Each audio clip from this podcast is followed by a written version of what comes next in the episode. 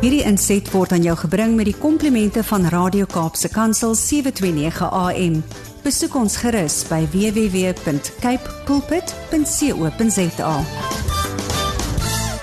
Goeiemôre Almarie. Good morning Brad. Goeiedag sê aan jou wat luister. Jy luister op Radio Kaapse Kansel op 'n Dinsdagoggend 25 voor 9 of jy luister dalk op die podcast wat jy op die webwerf kon kry of uh, blyk Brad vertel my daar's nou ook 'n heruitsending dat uh, hierdie uh, gesprekke word op 'n ander geleentheid ook uitgesaai op Radio Kaapse Kansel. So as jy nou die heruitsending luister, dan wil ek vir jou ook sê baie welkom. En juis as gevolg van hierdie heruitsending wat moet inpas in die programskedule, gaan ek vir jou vra om nie meer as 10 minute van jou tyd te belê in ons gesprek nie. En my plan is om vir jou so enkele sekondes klein geld te gee van daai 10 minute dat ons mooi kan inpas in die in die skedule in. En uh, die wat gereeld luister sal besef dat as Rudy aan die agter die mikrofoon inskuif dan is hy lus om oor bome te praat. En ek het so die laaste dosyn gesprekke met 'n formaat begin waar ek altyd die episode se se aantal 'n koppel aan die Psalm met dieselfde getal dis die, nommer van daai Psalm en dan ook dit koppel aan die jaartal uh, wêreldgebeure en ook die jaartal van dit wat in my eie persoonlike lewe gebeur het en dan praat ons oor al daai sake inleidend sodat ons kan kom by die boom tema sodat ons kan kom by 'n toepassing sodat ons ons harte kan oopmaak vir die lewende God. En um, ek gaan al daai bestanddele nog steeds hou. Ek gaan nie regtig die um, die bestanddele verander nie, maar wat ek wel gaan doen is ek gaan die volgorde omgooi. Want ons praat nou oor die 82ste keer oor bome. En uh dit is dan nou die jaar 1982 ek so uh, om en by uh, 14 geword het en uh, dan as mens in jou vroeë tienerjare is dan is daar allerlei innerlike veranderinge en allerlei storms en verskillende uh, veranderinge en omwentelinge. So dit is mos nou 'n goeie geleentheid om nou ook die volgorde van die program se bietjie te omwentel. So ek gaan wegtrek deur net te sê ons uh, titel van ons gesprek is um Pere of gewere? Voel ek dan vere, pere of gewere? Voel ek dan vere? Nou duidelik gaan ons praat oor pere en die peerboom, dit is ons boomtema. Uh en ek het nie net 'n rymelary uh in gedagte omdat ek nou so geïnspireer is deur ons vorige gesprek waar ek een van ons grootste Afrikaanse digters uh die Opperman aangehaal het nie. So hierdie is nie net rymelary nie, hierdie is eintlik 'n manier om 'n baie sensitiewe en 'n baie gevoelige en eintlik 'n baie ongemaklike tema so bietjie meer uh, verteerbaar te maak want as 'n mens glimlag, dan kan mens moeilike uh, nuus bietjie makliker uh, inneem en dan um, a little bit of sugar makes the medicine go round sweet. So hier is nie net ligte rymelary nie, hier is ek ek ek kom met 'n plan want ek kom met 'n baie moeilike saak na myself toe en as jy saam luister, dan wil ek jou daarmee saam ook uitnooi om dit um, ook te bedink. Pere of gewere, voel ek dan vere? 1982 was the year that the world's pop music fans were thrilled by Michael Jackson's hit album. Michael Jackson's Thriller was uh, die klankbaan van baie mense se lewens in 1982. In my persoonlike lewe was dit die klankbaan van 'n standaard 6 seun wat vir die eerste keer hoërskool toe gegaan het. En gewoonlik is mense dan nou as jy standaard 6 is jy nou die nuwe ou in 'n bestaande skool Maar dit het nou net mooi so uitgewerk dat ons wat in 82 standaard 6 was was almal nuut en daar was ook niemand anders wat van tevore in daai skool was nie want dit was 'n splinternuwe skool. Hoërskool die Wilgers, eh, die onderwysdepartement en die munisipaliteit en die plaaslike regering en wie ook al almal nog deel gehad het aan die beplanning het het 'n het 'n plot of 'n plaasgedeelte grond het hulle geoormerk vir skoolontwikkeling en um, dinge het so 'n bietjie vinnig gegaan met die met die bevolkingsaanwas in die oostelike voorstede en toe begin hulle maar die skool sommer in tydelike klaskamers.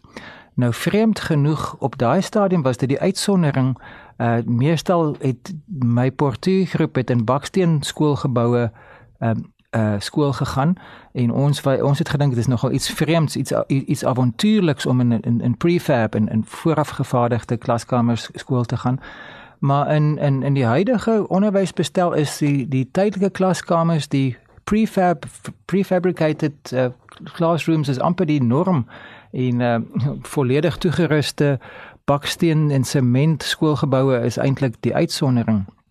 Is amper 'n luukse. Maar uh, hoe dit ook al sê, ons was die standaard 6 gewees en daar was enkele standaard 7s wat van ander naburige skole ook gemigreer het na daai skool toe. So daar was nie so iets soos ontgroening nie want almal was ewe groen gewees. En ons het in die, in hierdie tydelike klaskamers skool gegaan en dan die skoolgronde het um, daar was 'n stuk grond wat eh, 'n uh, komende sportveld sou word. Daar was nog nie paviljoene nie.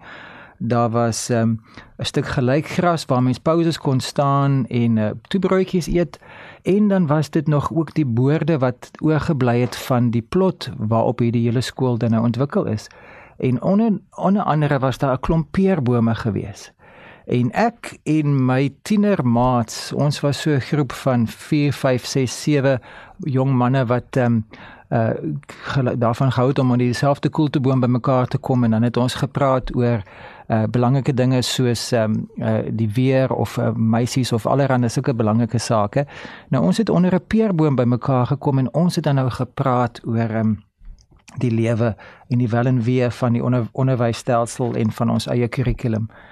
En hierdie peerboom was dan nou die plek waar ons eintlik baie lekker gelag het en lekker gesels het, lekker geskerts het, mekaar aangemoedig het en uh waar ons dan nou ook planne gemaak het want ons sou begin saam draf want ons wou 'n bietjie fikser word en ons het allerlei uh groot so grootse planne gehad.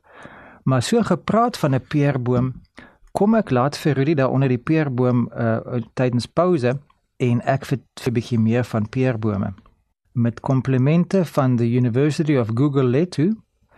Pears are fruits produced and consumed around the world, growing on a tree and harvested in late summer or mid autumn.